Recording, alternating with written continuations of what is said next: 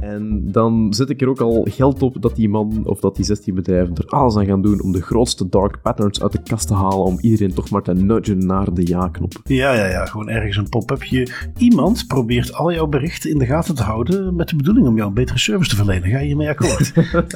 en dan eh, kijken of ze mensen zo weer krijgen. Hallo en welkom bij Das Privé, jouw wekelijkse privacy podcast. Iedere aflevering praten we hierbij over het reilen en zeilen in de wereld van privacy. Digitale spionage, boetes, datalekken, nieuwe technologie, privacy tools, oftewel alles dat er in een week gebeurt in privacyland. Ik ben Bart van Buitenen en samen met privacy poortwachter Tim van Haren hebben wij het privacy nieuws van deze week gecureerd en eruit gehaald wat er echt toe doet. Deze week lijken criminelen vastbesloten om hun tekstberichten te laten lezen door de politie. En daar ook nog eens flink voor te betalen. Anders kan ik het eh, niet uitleggen. Een uh, Nederlandse overheidsinstelling van de week. We hebben nu het ministerie van Justitie. Die uh, pakken het weer net iets verder door dan anderen. Die hebben hun eigen Clearview tooltje opgezet, lijkt het. We hebben nog een onderzoekje. Marketingbureaus hebben onderzoek laten doen naar de privacypercepties van Europeanen. En zelfs een klein stukje daarbuiten. En ja, verrassende uitkomsten uit dat onderzoekje. Um, maar misschien eerst, Tim, even een kleine update uit Vastamo. Toch uh, in de sector best gekend als uh, dat Privacy Lekker 2020 bij een gezondheidscentrum, psychologisch gezondheidscentrum. En daar is nou een update over.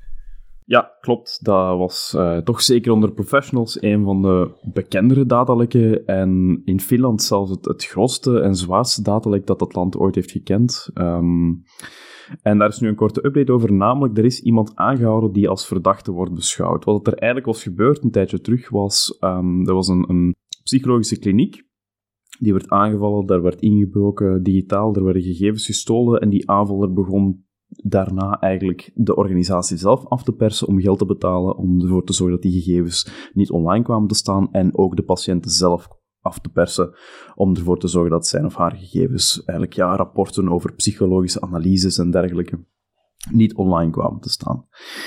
Um, dat, is, dat heeft heel veel schokgolven eigenlijk teweeggebracht in de Finse overheid en in, in Finland zelf. Vastamo is ook daardoor over de kop gegaan, is dat ook nooit financieel van kunnen terugkomen. Um, en dat heeft eigenlijk ja, toch wel wat zaken veranderd in Finland op vlak van de bescherming van persoonsgegevens in dat, dat soort klinieken. Um, men is dan op een soort klopjacht geweest en Interpol heeft nu eigenlijk iemand aangehouden, een 25-jarige Finse man, die wordt verdacht van toch wel het gevoeligste datalek in de Finse geschiedenis klopjacht. Ondertussen zijn we al meer dan twee jaar later, dus uh, hebben ze toch goed hun best gedaan. Maar oké, okay, goed om te zien dat ze die toch in ieder geval uh, te pakken hebben. Was uh, bekend als ook iets wat, wat veel voorbij komt als men nog eens laten zien dat datalekken het hele zware gevolgen kunnen hebben. Um, ik had er eentje meegenomen van Tweakers en, en ondertussen snap ik het eigenlijk niet meer zo goed waarom dat steeds weer terug blijft komen. Ik uh, gaf laatst een opleiding waarin ik dan, ja, waar ging het ook over, over uh, bescherming van telefoons, uh, privacy van appjes zoals Signal en zo. En toen stelde een van de deelnemers af, ja, maar waarom, als het zo zit, waarom gebruiken criminelen dan niet gewoon een iPhone met Signal? Um, en ja, ik, ik kon het antwoord niet geven um, zonder de criminele tips te willen geven. Maar ik heb me diezelfde vraag, en volgens mij hier op de podcast ook al wel eens altijd al gesteld. Want inderdaad, dat moet toch voldoende zijn. Um, nu is er weer een voorbeeldje dat, ja, het is toch echt kennelijk niet not done in die wereld om de bestaande tools te gebruiken. Want nu is Exclude Messenger een soortgelijke dienst weer, uh, maar nu meer een appje als ik het goed gelezen had. Die uh, is opgerold. Het was weer de klassieker, een, een appje wat ja, vooral zich richt op criminelen. Honderden euro's per installatie per maand. Dus ook weer iets wat een flinke duit kostte. Wat alleen al aangeeft dat de doelgroep voornamelijk criminelen zijn. Um, de politie, weer een gedeeld onderzoekje eh, over Nederland, Duitsland en België, uh, heeft de beheerders gearresteerd. Ze hebben ook van zo'n uh, 3000 gebruikers, waarvan 750 Nederlandstaligen, hebben ze de berichten dus kunnen achterhalen. De klassieke invallen, drugslabs, cocaïnewasserijen, 4 miljoen aan cash, dat soort dingen haalt men dan op.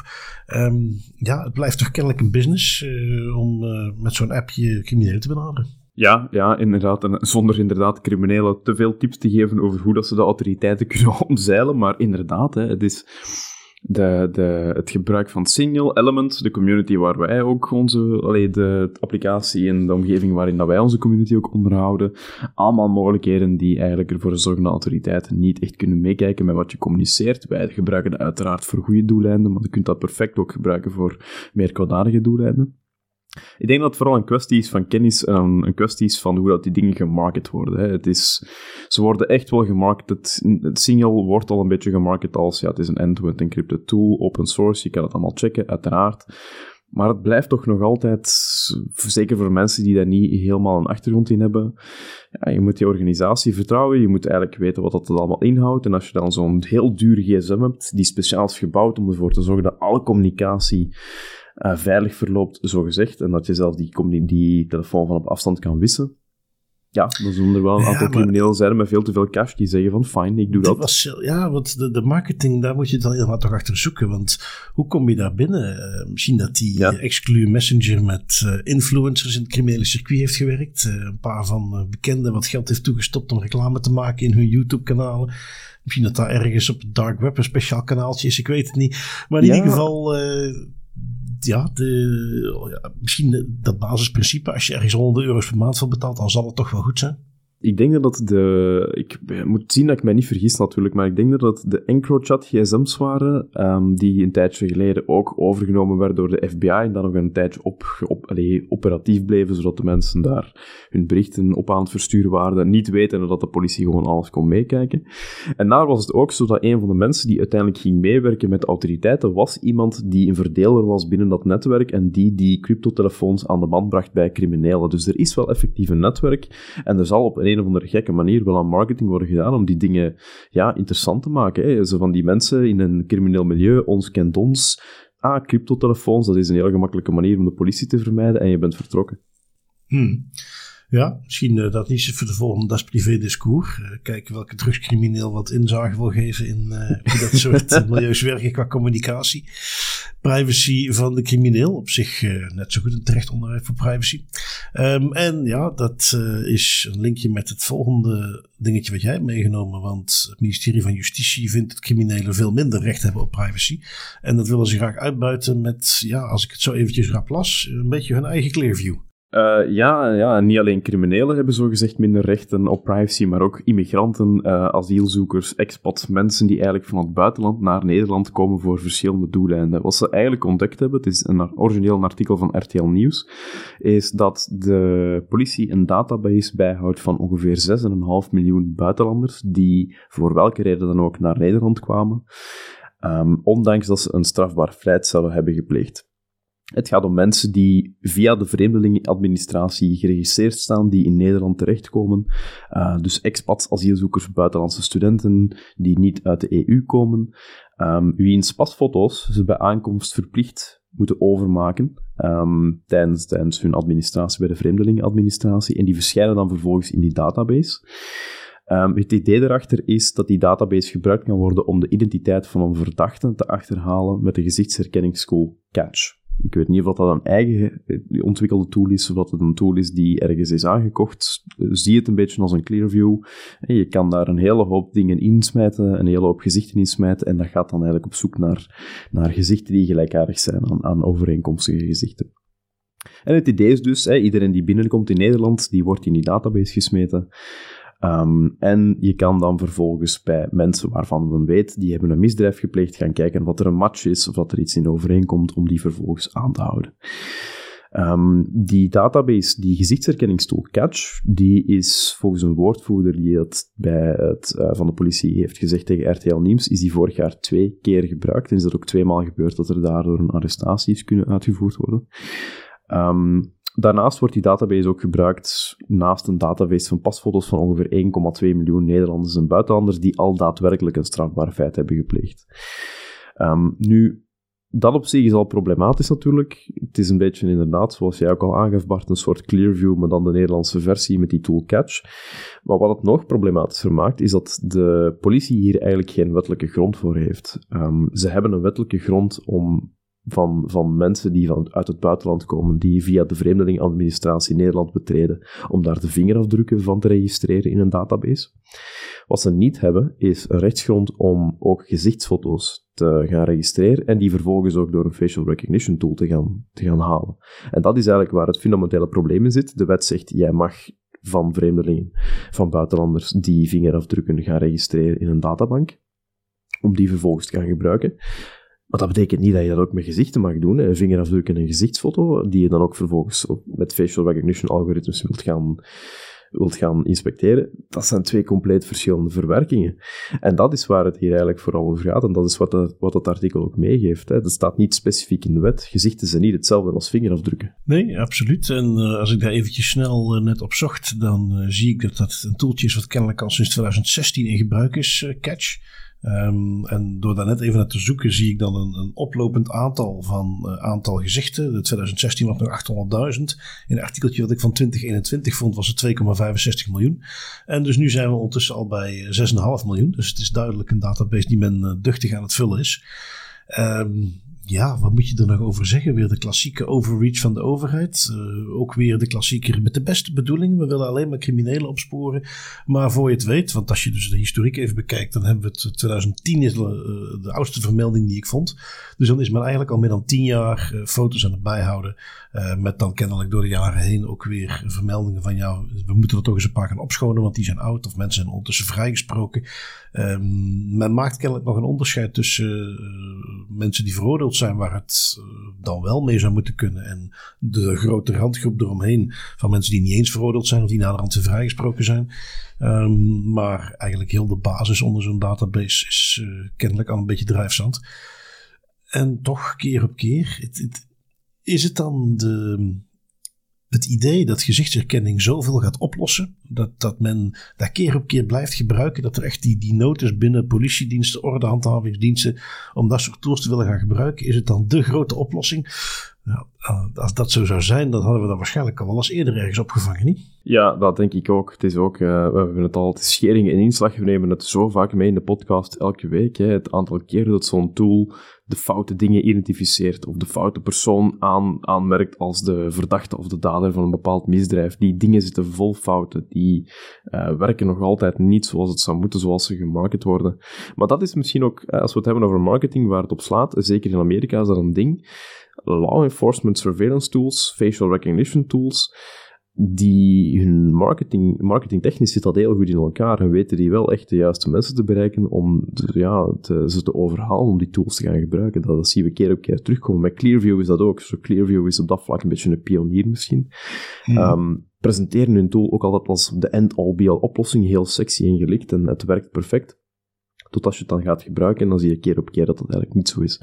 En wat dat hier ook is, wat hier ook het probleem erger maakt, is, ja, je gaat gewoon van, van allemaal verschillende soorten mensen, mensen die uit het buitenland komen voor verschillende redenen, die dan naar Nederland reizen, hè, buitenlandse studenten, expats, maar ook asielzoekers, migranten. Um, je gaat die bijna automatisch gaan klassificeren als een potentiële verdachte van een misdrijf, om dan vervolgens die databank te gaan vergelijken met effectieve daders van een misdrijf. Ik denk dat dat nog steeds niet verder gaat dan het basisidee van ja, maar uh, wat maakt het uit als daar mensen in zitten die uh, van niks verdacht worden, die dan, nou goed, als die niks verkeerd doen, dan gaan we ze ook nooit uh, aanpakken. Hè? Dus was het probleem. Eigenlijk moet die database zo breed mogelijk gevuld zijn. Ik denk dat we teruggaan tot wat ik in berichtje zag, zeker 2016, uh, eh, dat de redenatie achter het systeem dus nog steeds niet veel verder is dan dat. Ah, oké, we kunnen iedereen die erin zit, ja, als ze niks doen is er niks aan de hand en dus kunnen we dat gewoon uitbreiden. Ik vond het wel opvallend, als ik dan nu eventjes wat van die artikeltjes erbij aanpakken was. Um, in een van de, de, het bericht werd er gezegd dat maar enkele keren per jaar men die database uh, effectief gebruikt. Um, maar ondertussen zie je dat men toch, uh, waar, statistieken uit die andere artikels, per jaar toch meer dan 100 uh, hits. Dus ja, toch iets wat uh, regelmatig gebruikt wordt. En het is wachten op het eerste artikeltje van verkeerde identificatie bij ons. Hè? Want in Amerika worden dit soort systemen gewoon nog veel meer gebruikt, veel uitgebreider. en waarschijnlijk ook op basis van social media indexing. En dat is het enige wat hier dan nog gezegd mag worden. Het is niet breder verzameld. Al lees ik wel uit zo'nzelfde artikeltje uit ondertussen alweer 2016. Ehm, dat de integratie er ook is met mobiele telefoons van de politie. Dat zij een foto kunnen nemen en dat die dan automatisch wordt doorgestuurd naar uh, Catch. Alright. En Catch is dus, dus, je hebt dat ook opgezocht, Catch is dus ook geen tool ontwikkeld door de Nederlandse, Nederlandse overheid. Het is effectief een, een ja, Nee, van wat ik zo kan zien is die data, wat ik, is Catch meer een beetje de, naam van de database. En, en de artikeltjes waar ik het voorbij zie komen, heeft men het toch echt over dat er iets opgezet is door de Nederlandse politie. Wat daaronder uh, ligt is even de vraag. Uh, maar uh, ik heb in ieder geval niet meteen iets zien staan van het is ook nog een, een, een Clearview-achtige toepassing. Um, ja, wat is dan beter, hè? Dat ze het zelf aan het maken zijn? ik was exact uh, hetzelfde aan het denken. ik was exact aan hetzelfde aan het denken van, oké, okay, wat is nu eigenlijk de, de, slechtere versie van de twee? Ja. Uh, dus ja, nee, ik denk, ik denk, dat we hier best kunnen concluderen dat dat weer een, een ja, bijna een typisch geval is van, inderdaad, hè, goede bedoelingen, zoals altijd, die dan veel te ver gaan en die eigenlijk niet meer proportioneel zijn. En zeker zolang eh, men bijvoorbeeld publiek beschikbare foto's zou gaan gebruiken om die database te vullen, hebben we met Clearview-achtig nog steeds een probleem. Uh, dat is iets waar, waar Meta ook vindt dat ze daar maatregelen tegen moeten nemen om het zogenaamd scrapen van hun websites tegen te gaan. Tenzij dat ze het zelf doen, begrijp ik. Ja, klopt. Het is een, een, een beetje een, een gekke versie, um, een, een gek stukje hypocrisie zou ik het zelfs durven noemen. Meta vecht al jarenlang het scrapen van hun, uh, hun social media kanaal, Facebook en, en Instagram aan.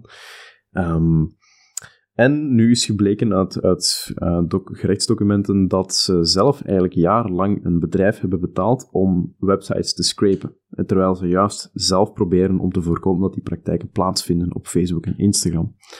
Um, het bedrijf dat die website scrapte voor Meta ondertussen, Bright Data, een Israëlisch bedrijf, uiteraard, biedt onder meer ook aan om uh, data te scrapen voor Twitter en TikTok. Dus het is een data scrape bedrijfje dat echt wel uh, gevestigd is in de markt en dat zich specialiseert in dat soort acties.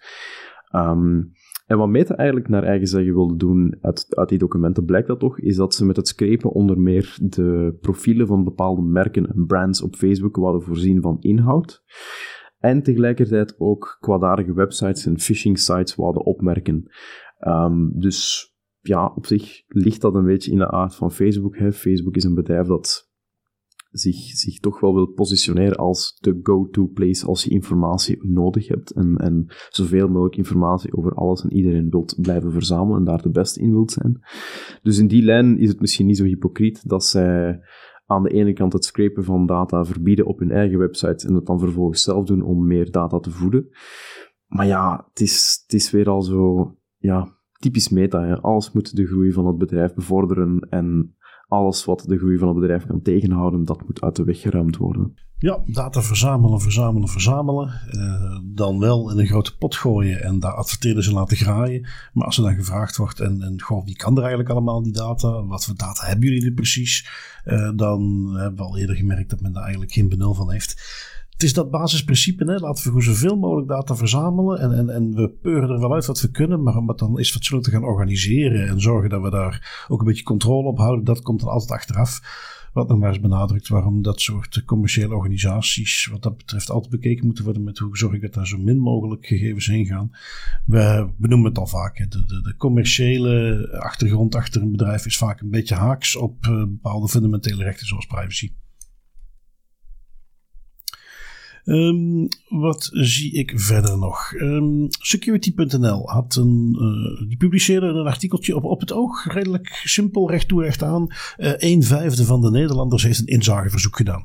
Um, goed, oké, dat vond ik op zich al interessant genoeg om er eens een keer naar te kijken. Het, is een, uh, onder, ja, het was een publicatie van de DDMA.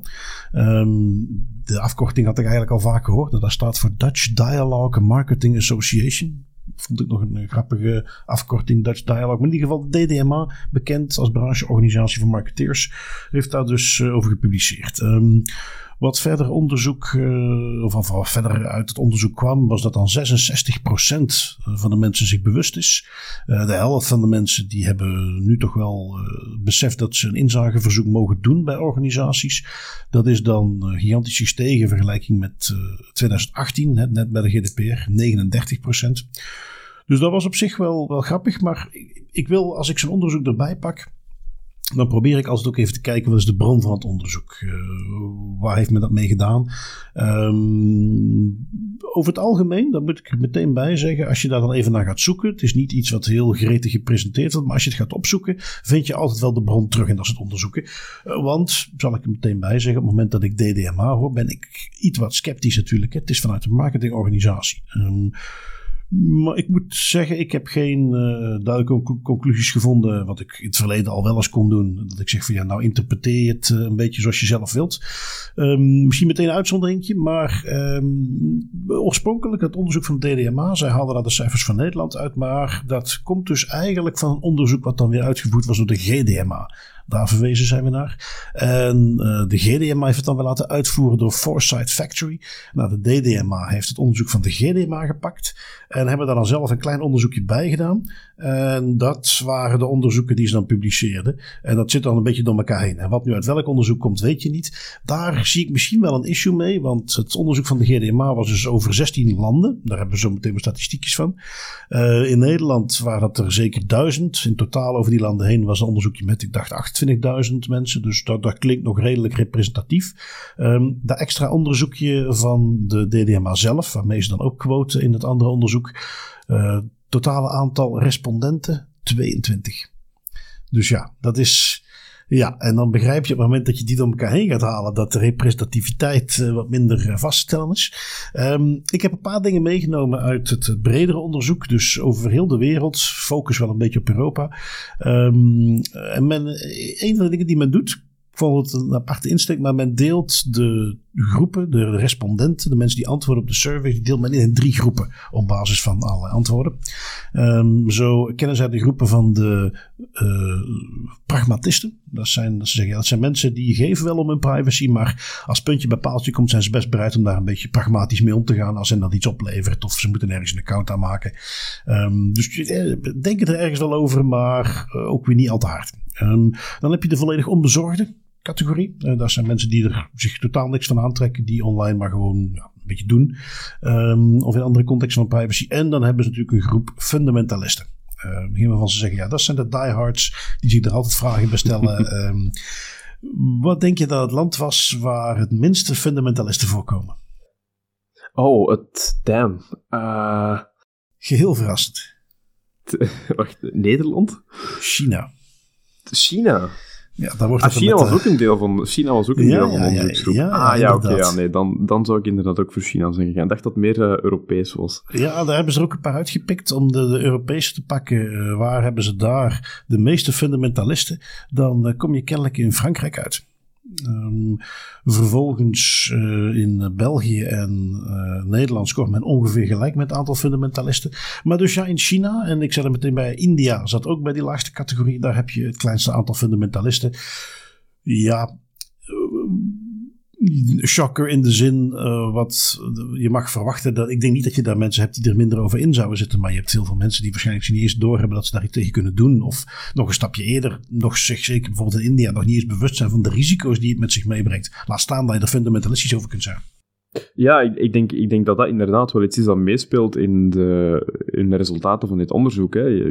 Ik vind dat eigenlijk zelfs een beetje vreemd dat je die twee zou gaan vergelijken, want de manier hoe wij puur vanuit een cultuurperspectief kijken in het Westen naar privacy, naar individualisme versus in uh, Azië, dan met name bijvoorbeeld China, dat is een volledig andere manier van hoe dat zij privacy en individualisme beleven, tot op het punt dat je die twee eigenlijk bijna niet meer kan vergelijken, wat dat wij vaak, en in de media ook heel vaak gebeurt, dat wij China afschilderen als een dystopisch hellscape, terwijl er misschien die mensen daar ja, dat, dat, dat, niet eens helemaal erg vinden. Er zijn heel veel dingen die fout zijn in China, by the way, maar om dan diezelfde, um, hetzelfde idee van privacy te gaan projecteren op China, dat vind ik ook weer niet correct. Ja, en, en dat principe, van ja, op het moment dat je niet eens weet dat er risico's zijn, dan kun je er ook geen fundamentalist over zijn. Dus uh, dat is een stukje awareness. Nu, uh, ik vond het ook nog wel grappig, ik heb dan even gekeken naar de, de leeftijdsverdeling in die categorieën. Um, 18, 24, 25, 35, et cetera, 65 plus. Uh, wie denk je dat de meest hardcore fundamentalisten zijn qua leeftijdsgroep? De jongeren. Ja, um, die zijn uh, helemaal niet bekommerd om hun uh, privacy. Van de onbezorgden is er een afgetekende meerderheid van de respondenten, 40% uh, in die leeftijdscategorie, die volledig onbezorgd is over het gebruik van hun data. Um, hmm. Onder de fundamentalisten zijn daarentegen de 75-plussers, de echte diehards kennelijk. Oh, wat? Ja, de 65-plussers. dat, gaat, dat gaat puur... Ik, uiteraard is dat niet representatief en dat is puur anekdotisch, maar dat gaat volledig in tegen mijn eigen persoonlijke beleving. Ja, het zijn ja, vaak ja, de, de, de, de, mensen die ouder zijn, die... Uh, zoiets hebben van, ach, wat maakt dat uit? Die zetten, die zetten letterlijk alles op Facebook, van zover dat ik kan zien. Die, dat, dat boeit hun allemaal niet. Die zetten alles publiek, die geven hun data continu aan alles en iedereen. Ja, wel, inderdaad. Uh, dat, is, uh, dat is wat ik ook dacht. Maar goed, uh, onderzoek wijst het tegendeel uit. Um, wat hebben we nog? Wat, wat, hoe, ik, ik, ben, ik ben me bewust van het bestaan van de General Data Protection Regulation, de GDPR of de AVG. goed, dat mag je verwachten tussen 2018, waar het vorige onderzoek was ze gedaan hadden, en nu dat daar flink verschil zat. in sommige, door maat genomen, meer dan een verdubbeling van het aantal mensen wat zich daarvan bewust is. Dus dat viel ook al wel mee. Um, eentje die ik nog wel mooi geframed vond, is uh, een vraagje over uh, hoe blij je zou zijn om een, een selectie van jouw favoriete bedrijven gegevens door te geven en dat ze die onderling met elkaar mogen delen. Um, met natuurlijk de bedoeling om mij gepersonaliseerde ervaring en, en service aanbod te geven. Um, op zich, de vraagstelling vind ik niet super interessant. Wat me vooral opviel, is dat in China en India die hoeveelheden het hoogst zijn. Dus China en India, daar is men nog meer bereid om gegevens vrij te geven of toestaan dat ze die delen om de um, ervaring te verbeteren. Um, wat ik daaruit haalde is dat het een beetje aansluit met wat we eerder zeiden. Zo'n heel klein groepje fundamentalisten in die groepen. Hier ook weer van ja, maar als het is om mijn ervaring te verbeteren, dan is het goed.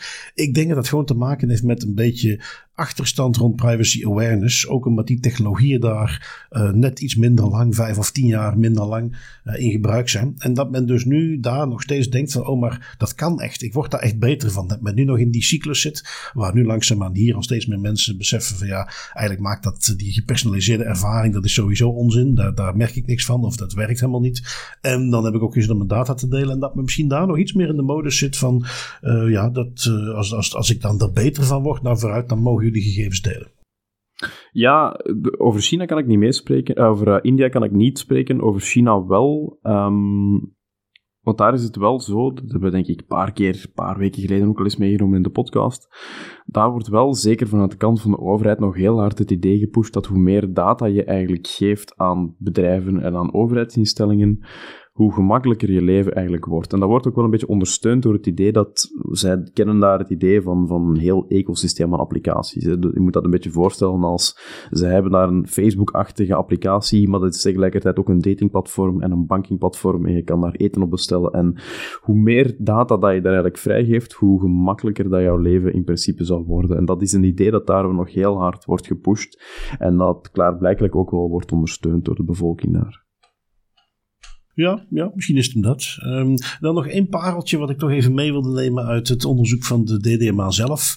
Um, je weet nog dat ik net zei, uh, de, de, de 22, 26.000 uh, kwam uit het andere onderzoek wat uh, gevoerd was. En dan de groep van 22 respondenten, die hadden ze dan nog eens wat geïnterviewd. En ik vond het heel opvallend. Ze geven zelf in het onderzoekje geven ze ergens aan um, dat uh, er een onderwerp is wat uh, in de verschillende groepen respondenten steeds spontaan benoemd werd.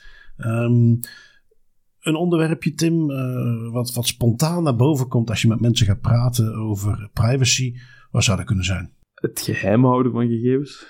Ja, ja, dat lijkt me inderdaad heel, heel gepast. Uh, ik, ik kan me allerlei dingen voorstellen waar je spontaan over gaat hebben. Apps, eh, systemen, eh, bedrijven wel of niet vertrouwen, relaties. Noem maar allemaal dingen waarvan ik denk, die kunnen nu spontaan in zo'n gesprek naar voren komen. Wel, de DDMA die zoomt in op het spontane onderwerp, namelijk het privacy-keurmerk. Is dat niet iets waar jij iedere keer als je met mensen over praat spontaan over begint? Wel, dat gebeurde dus heel toevallig wel in drie van die groepjes bij de DDMH-onderzoek. Die begonnen spontaan over de nood aan een privacy-keurmerk. Dat ze dat toch allemaal heel fijn zouden vinden. en laat dat nou net zijn wat de DDMA ook heeft: een privacy-keurmerk. Aha, we zijn, de cirkel is rond, Bart. De cirkel is rond. We zijn er eindelijk. En dus uh, benadrukt men op die manier nog eens het belang van dat privacy-keurmerk van de DDMA te gebruiken.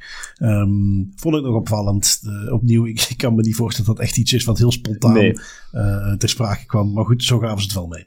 Op zich, los van het feit dat het hier wel lijkt alsof de, het onderzoek een klein beetje gestuurd wordt. Het idee van een privacy-keurmerk is wel iets interessants, vind ik.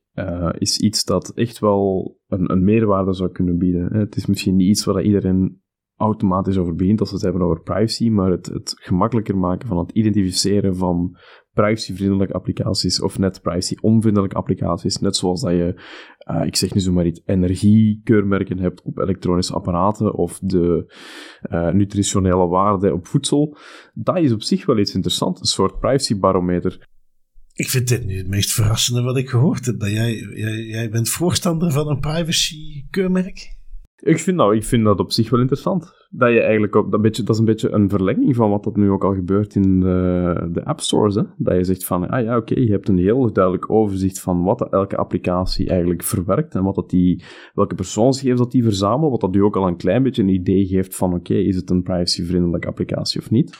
Maar precies wat er met die dingen gebeurt, de meeste uh, in de app store hè, van de toestemmingen en, en de privacy policies en zo, is self-reported. Dat mogen die app zelf aangeven, ja, ja, daar wordt niet heel actief gecontroleerd. Ik denk even terug aan uh, de dingen zoals de Nutri-score, die je ook al op allerlei dingen ziet staan.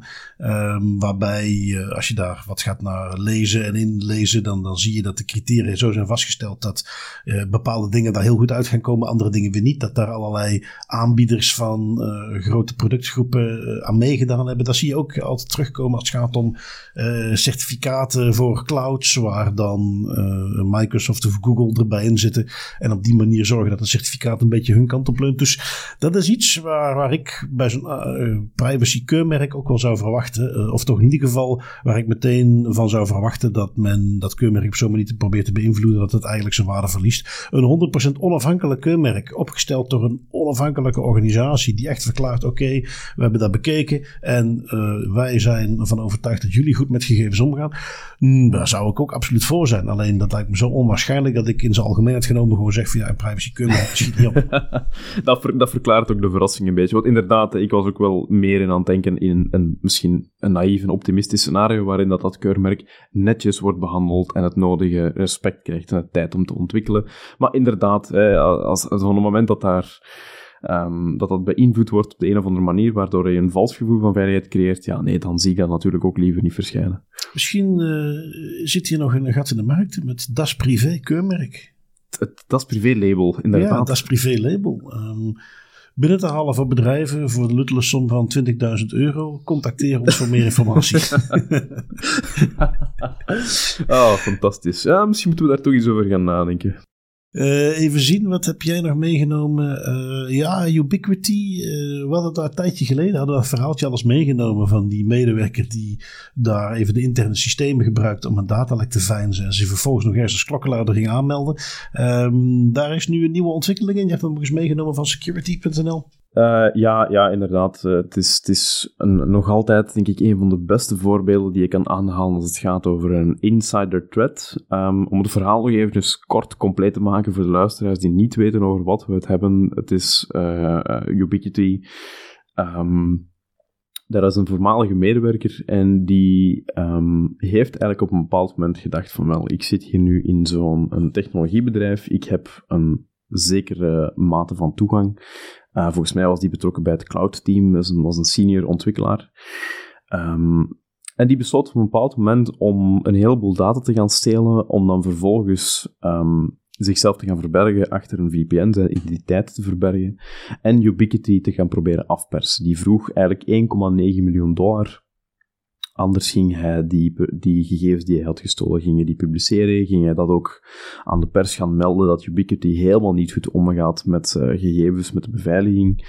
Um, Ubiquity is daar helemaal niet op ingegaan.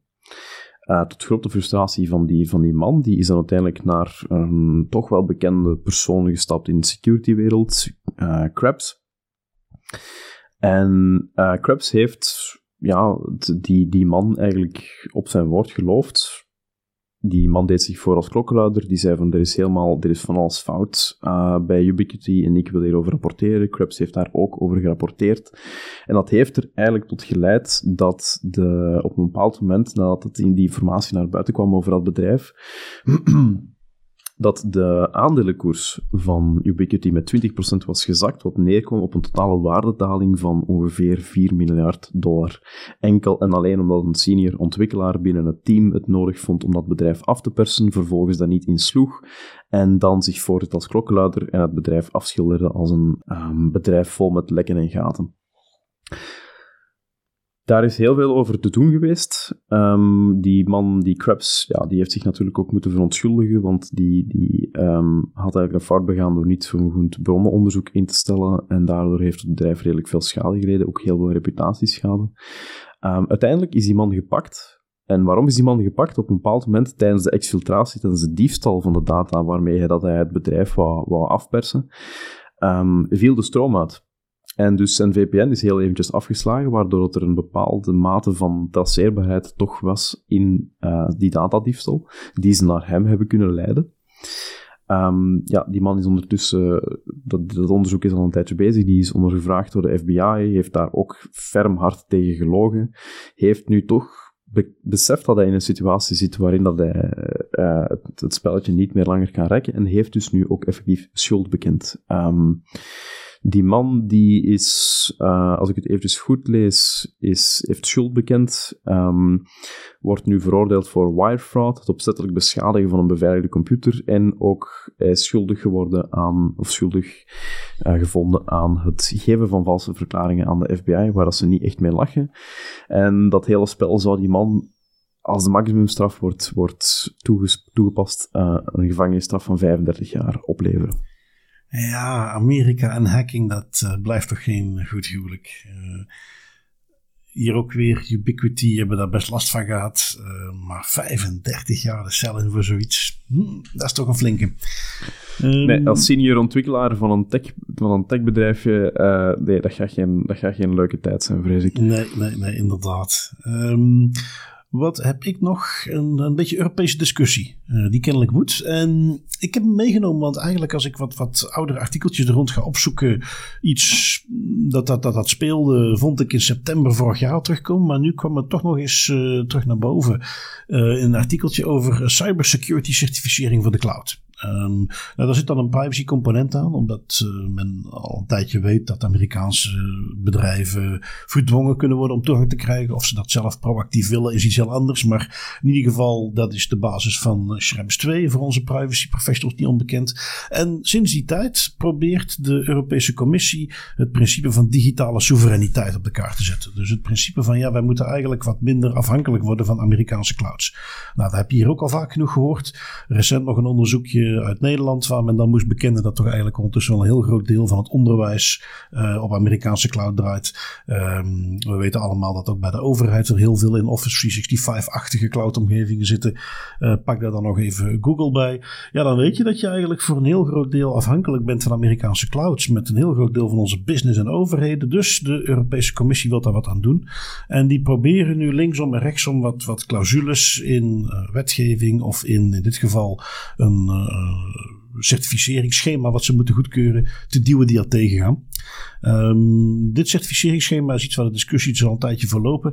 Um, en waar men vanuit Frankrijk, Italië en Spanje uh, er iets in wil stoppen dat eigenlijk Amerikaanse clouds uitsluit. Op het moment dat jij een, een clouddienst bent die uh, moet Europees zijn, dan zou je nog kunnen zeggen, dan krijgen we die Europese datacenters uh, van Amazon en Azure, uh, waar ze altijd mee uitpakken.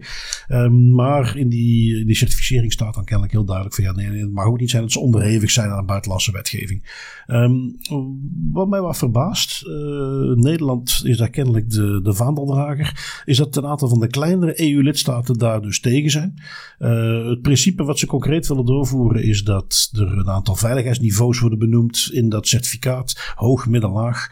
En dat eigenlijk alle organisaties die onder weer een ander stukje cybersecurity wetgeving gaan vallen, NIS 2, wat uh, erkent voor een heleboel gevoelige industrieën zoals uh, water, elektriciteit, maar ook voor steeds meer uh, clouddiensten, dat men daar zegt alles wat in een, een, heel hoog niveau komt, heel belangrijk is, dat moet op niveau hoog komen voor dat certificaat. En dat niveau hoog is alleen maar te behalen voor bedrijven die dus niet onder Amerikaanse wetgeving kunnen vallen. Lang verhaal kort, voor een aantal hele belangrijke industrieën binnen de verschillende EU-lidstaten zou zo'n certificaat er via een stiekem omweggetje voor zorgen dat dat niet bij een Amerikaanse cloud mag liggen. Um, ik ben eigenlijk wel voor. Ik ben, uh, vind dat prima uh, insteek. Uh, maar het verbaast mij dus dat een aantal landen onder aanvoering van Nederland daar tegen zijn. En dat ze het op deze stiekeme manier vanuit de Europese Commissie toch echt wel aan het proberen zijn om het door te krijgen. Ik wist dat het leefde, dat gevoel. Maar als ze dus op deze manier echt gaan doordrukken om de Amerikanen buiten te houden. Want dat is eigenlijk wat op neerkomt.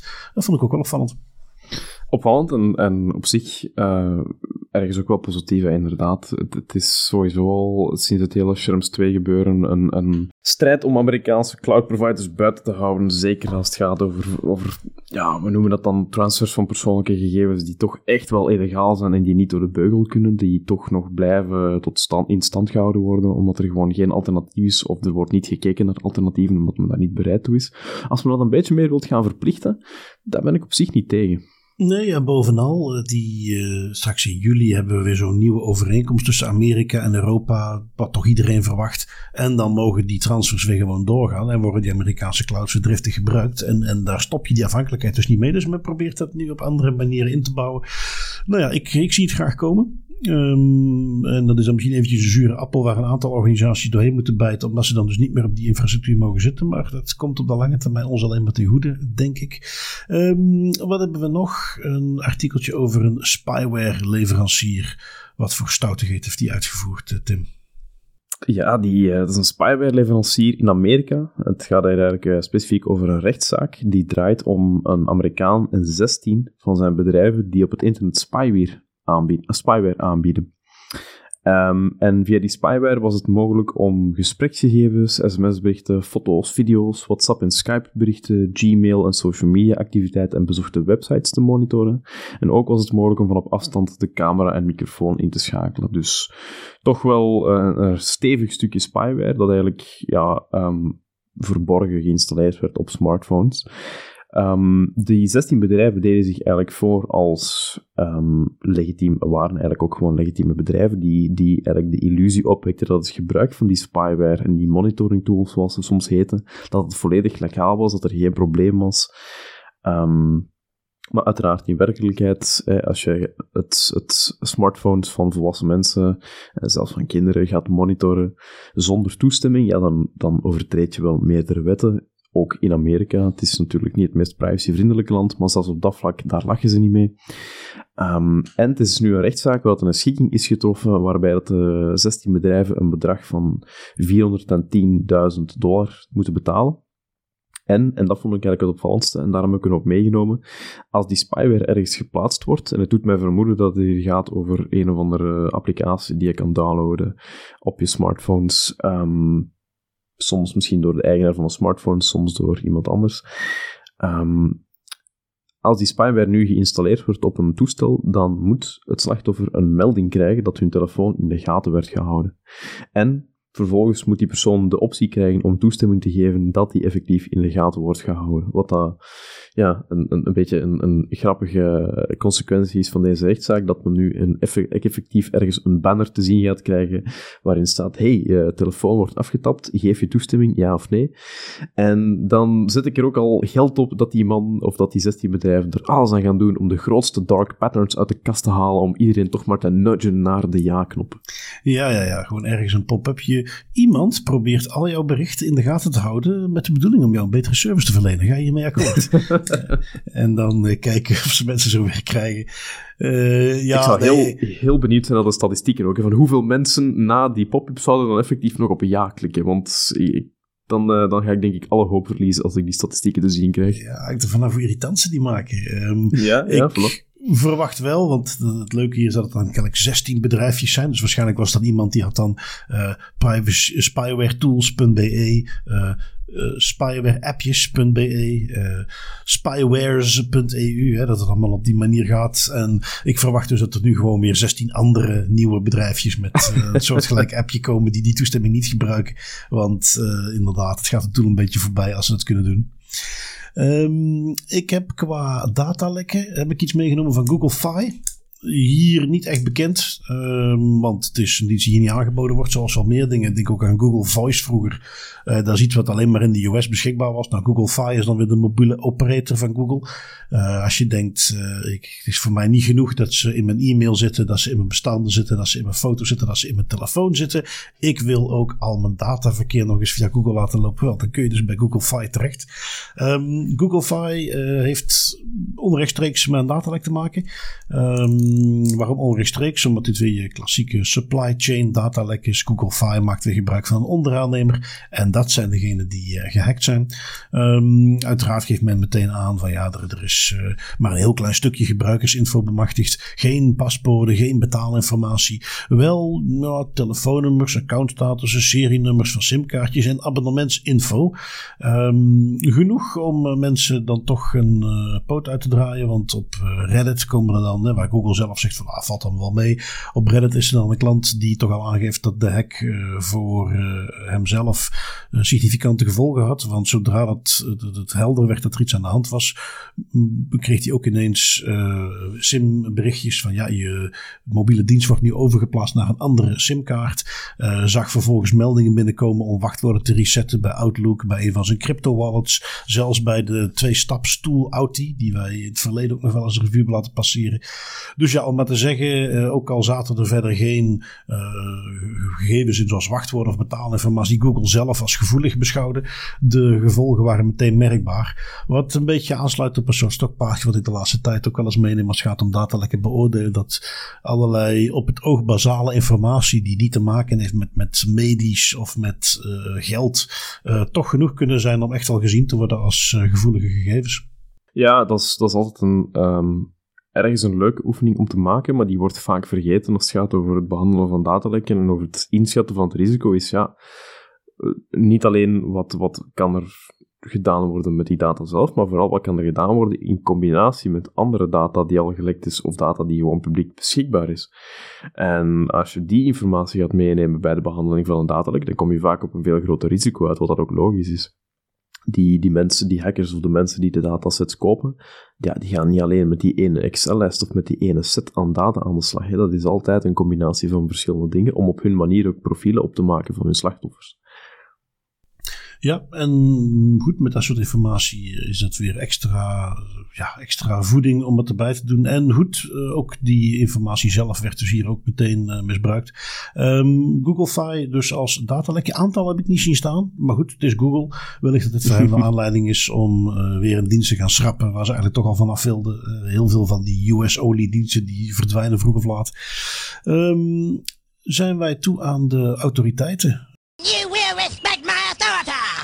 Airbnb werd eens een keer op de vingers getikt door de Ierse toezichthouder, die zo waar dan nog eens iets uh, doet.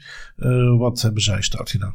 Ja, ja, ze doen nog eens iets. De Ierse toezichthouder ontwaakt uit zijn winterslaap. Um, de Airbnb, wel, die um, had in 2019 aan een gebruiker een ID-kaart gevraagd ter identificatie nadat die gebruiker een verwijderverzoek had ingediend. Um, en Airbnb had, zo gezegd, ja, had gezegd tegen die gebruiker van, kijk, wij willen gerust voldoen aan jouw verwijderverzoek, maar wij willen dan wel verifiëren dat jouw identiteit klopt, dat jij degene bent die het effectieve verzoek instuurt. Um, Gebruiker ging daar niet mee akkoord. Airbnb zei dan: Oké, het is goed als je geen identiteitskaart wilt gaan sturen, dan is het ook voldoende dat je gewoon inlogt in, uh, de, op het Airbnb-platform en op die manier verifieert. Kunnen we verifiëren dat jij degene bent die het verwijderverzoek eigenlijk heeft ingediend. En daar heeft de Ierse toezichthouder, de DPC, nu eigenlijk op toegespitst. Namelijk het feit dat Airbnb aan een gebruiker verzocht om gegevens uh, op te om gegevens door te sturen, de ID-kaart, terwijl dat eigenlijk niet noodzakelijk en niet proportioneel was voor het uitvoeren van het verwijderverzoek van die gebruiker. Beetje een typisch geval, we hebben dat al heel vaak meegenomen. Hè. Het, het, het idee dat je een identiteitskaart of een rijbewijs moet doorsturen om een bepaalde, om bepaalde informatie te krijgen van een, van een verwerkingsverantwoordelijke van een bedrijf, of om een verzoek in te willigen. Um, in bepaalde situaties kan dat proportioneel zijn, maar je moet altijd proberen om te meten of het niet gaat met mindere gegevens. Of dat je de identiteit van die persoon niet op een andere manier kan controleren. Want het vragen van een, van een ID-kaart, zeker als het gaat over de achterkant ook, waar je rechtsregisternummer op staat, dat zijn best gevoelige gegevens. Dus als je dat niet hoeft op te vragen, dan kan je dat beter ook vermijden. En dat is hier wat Airbnb fout heeft gedaan. Zij moesten dat eigenlijk niet opvragen. Zij hebben dat ook zelf aangetoond, omdat ze dan een alternatieve optie aanbieden, waarmee dat die gebruiker wel zich kon identificeren dus was dat hele proces van een ID-kaart opvragen niet nodig. Airbnb is daardoor um, op de vingers, daarvoor op de vingers getikt door de Ierse toezichthouder. Ze krijgen geen boete, want ze hebben wel netjes meegewerkt volgens de Ierse toezichthouder. En die is toch altijd business-friendly als het komt op dit soort techbedrijfjes.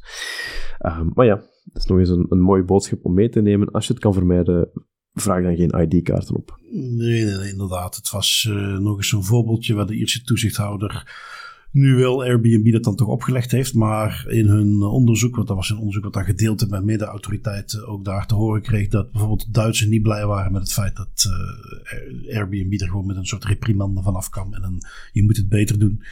Um, in Italië heeft er nog een uh, ziekenhuis een boete gekregen, als ik me niet vergis. Uh, jij had hem meegenomen, um, ziekenhuis, gezondheidsautoriteit, wat hadden ze uitgespookt? Uh, ja, het was de Azienda Universitaria Friuli Occidentale. Dat is zo goed als mijn Italiaans kan worden. Wie kent ze niet? Ja, inderdaad. Hè. Die hebben een boete gekregen van 55.000 euro van de garantie. Waarom? Omdat zij eigenlijk uh, met behulp van algoritmen en persoonlijke patiëntengegevens patiëntenprofielen hadden opgesteld om het risico op complicaties bij een COVID-19-infectie aan te geven. Was goed bedoeld. Hij was bedoeld om in het geval van complicaties tijdig een, passende diagnostische en therapeutische traject trajecten te kunnen vaststellen. Maar ja, uiteraard, het, het gebruik van gevoelige gegevens, bijzondere gegevens, om uh, aan profilering te doen, dat zou meteen al voor professionals wat alarmbelletjes moeten doorrinkelen. Je moet dan meteen eigenlijk ook verplicht een data protection impact assessment maken. Dat had die gezondheidsautoriteit ook niet gedaan en daarvoor krijgen ze nu een boete. Ja, kan tellen. En weer een voorbeeldje van, ook al doe je het met de beste bedoelingen, hier om complicaties rond uh, COVID op te sporen, uh, dan moet je nog steeds een aantal dingen gaan nakijken en een aantal dingen voorzien. En uh, ja, goed, nu dan de concrete gevolgen 55.000 euro. Um, Oké, dan zijn wij toe aan onze privacy pointer, Tim. Ja, ik heb voor deze week Time Tagger meegenomen. Um, Time Tagger is eigenlijk een, een open source, een self-hostable time tracker appje dat je kan gebruiken om de tijd die je spendeert aan projecten, als je consultant bent bijvoorbeeld, of de tijd die je spendeert aan hobby's, whatever, um, om die te gaan tracken en om die op te slagen en te kunnen rapporteren naar, naar de mensen die dat willen inzien. Het coole aan TimeTagger is, um, je hebt de optie tussen een versie waarin je de, de, de applicatie host in, een cloud, of je hebt de optie waarin de applicatie gehost wordt op een, een uh, locatie naar jouw keuze. Je kan het ook zelf hosten, gewoon op je computer. Heel veel mogelijkheden. Het is open source, het werkt, het is simpel. En dat is waarom ik hem heb meegenomen. Oké, okay, interessant. Iets waar je zelf ook mee eh, aan de slag wilt? Uh, ja, klopt inderdaad. Als, als beginnend freelancer was ik op zoek naar um, een, een manier om eigenlijk heel gemakkelijk en zonder al te veel toeters en bellen en natuurlijk op een privacyvriendelijke manier mijn tijd te kunnen tracken om te kunnen rapporteren naar klanten toe. En dat heb ik in TimeTagger gevonden. Oké, okay. Ah, interessant, heel goed. Um, ik heb een uh, privacy pointer, meer een soort uh, aankondiging. Uh, ik weet niet zeker of het in de vorige aankondiging, want we hebben dus 24 maart hebben wij ons event willen organiseren, met nog eens een live opname. maar iets wat ik daar ook wilde gaan doen was een privacy spel. Nu weet ik niet zeker of we dat de vorige keer ook al zo hadden aangekondigd, maar we hebben nu de, het uitgetekend. We hebben nu bedacht hoe het eruit gaat zien. het idee is dat op die manier de community elkaar ook wat beter gaat leren kennen. Het is iets wat met interactie is. Nieuws. en waar de dingen die in de podcast voorbij zijn gekomen ook in gaan zitten. Um, als kleine tip om al mee te geven. een onderdeel van het spel is dat je bepaalde personen of concepten die in privacyland veel voorbij komen, dat je die zou kunnen herkennen. En wij gaan die de komende aflevering van de podcast gaan we ook een heel aantal van die concepten verwerken. Dus als je goed luistert, dan kun je die dan in het spelletje vervolgens weer beter gaan her, herkennen. En de winnaars van het spelletje, want we gaan natuurlijk een winnaar bijhouden, die krijgen de eerste exemplaren van het Das Privé Privacy spel. Wat we echt met, met kaartjes en dergelijke echt op die manier gaan afdrukken. Dus dat is uh, een, een, aankondiging is dan vooral het stukje dat je dus nu als winnaar straks het eerste echte Das Privé Privacy spel ook kunt bemachtigen. Cool. Kijk ik al naar uit. Inderdaad. Uh, Oké, Tim, dan zijn wij. En, en gewoon uit principe vond ik van, nou, dat is helemaal niet slecht om dat eens een keer te hebben. Hebben wij eens een aflevering van onder het uur. Waar, uh, als ik daar wel eens mensen over hoor, sommigen toch best blij mee gaan zijn. Omdat het soms een lange zet is, kennelijk. wel, wel, wel, kijk eens aan. We breken hier een traditie die toch wel even doorgaat. Het is iets wat wij ook, even de luisteraars, om nog even mee te geven achter de schermen. Het is iets waar wij toch elke week over nadenken. Van, ja, gaan we dat uur toch wel kunnen halen? En eh, vaak onderschatten we de hoeveelheid zaken die we hebben meegenomen, waardoor we altijd ruim over dat uur zitten. Dat is bijna een, een ding geworden. Nou, maar ik vind het niet slecht om uh, dus eens een keer een gelegenheid te hebben om het eens wat korter te houden. Uh, nu goed, uh, laten we daar niet te lang over doorlopen, want dan zitten we alsnog over dat uur. Dus ik zou zeggen... je hebt het door, Bart, je hebt het door. volgende week hebben wij gewoon weer onze artikeltjes bij en we kijken gewoon afhankelijk van wat er voorbij komt, hoe lang we erover doen. Dat is leidend voor de aflevering. Exact. En dan zou ik zeggen, bedankt luisteraars om het bijna uur weer vol te maken. En we horen jullie volgende week. Yes, tot volgende week.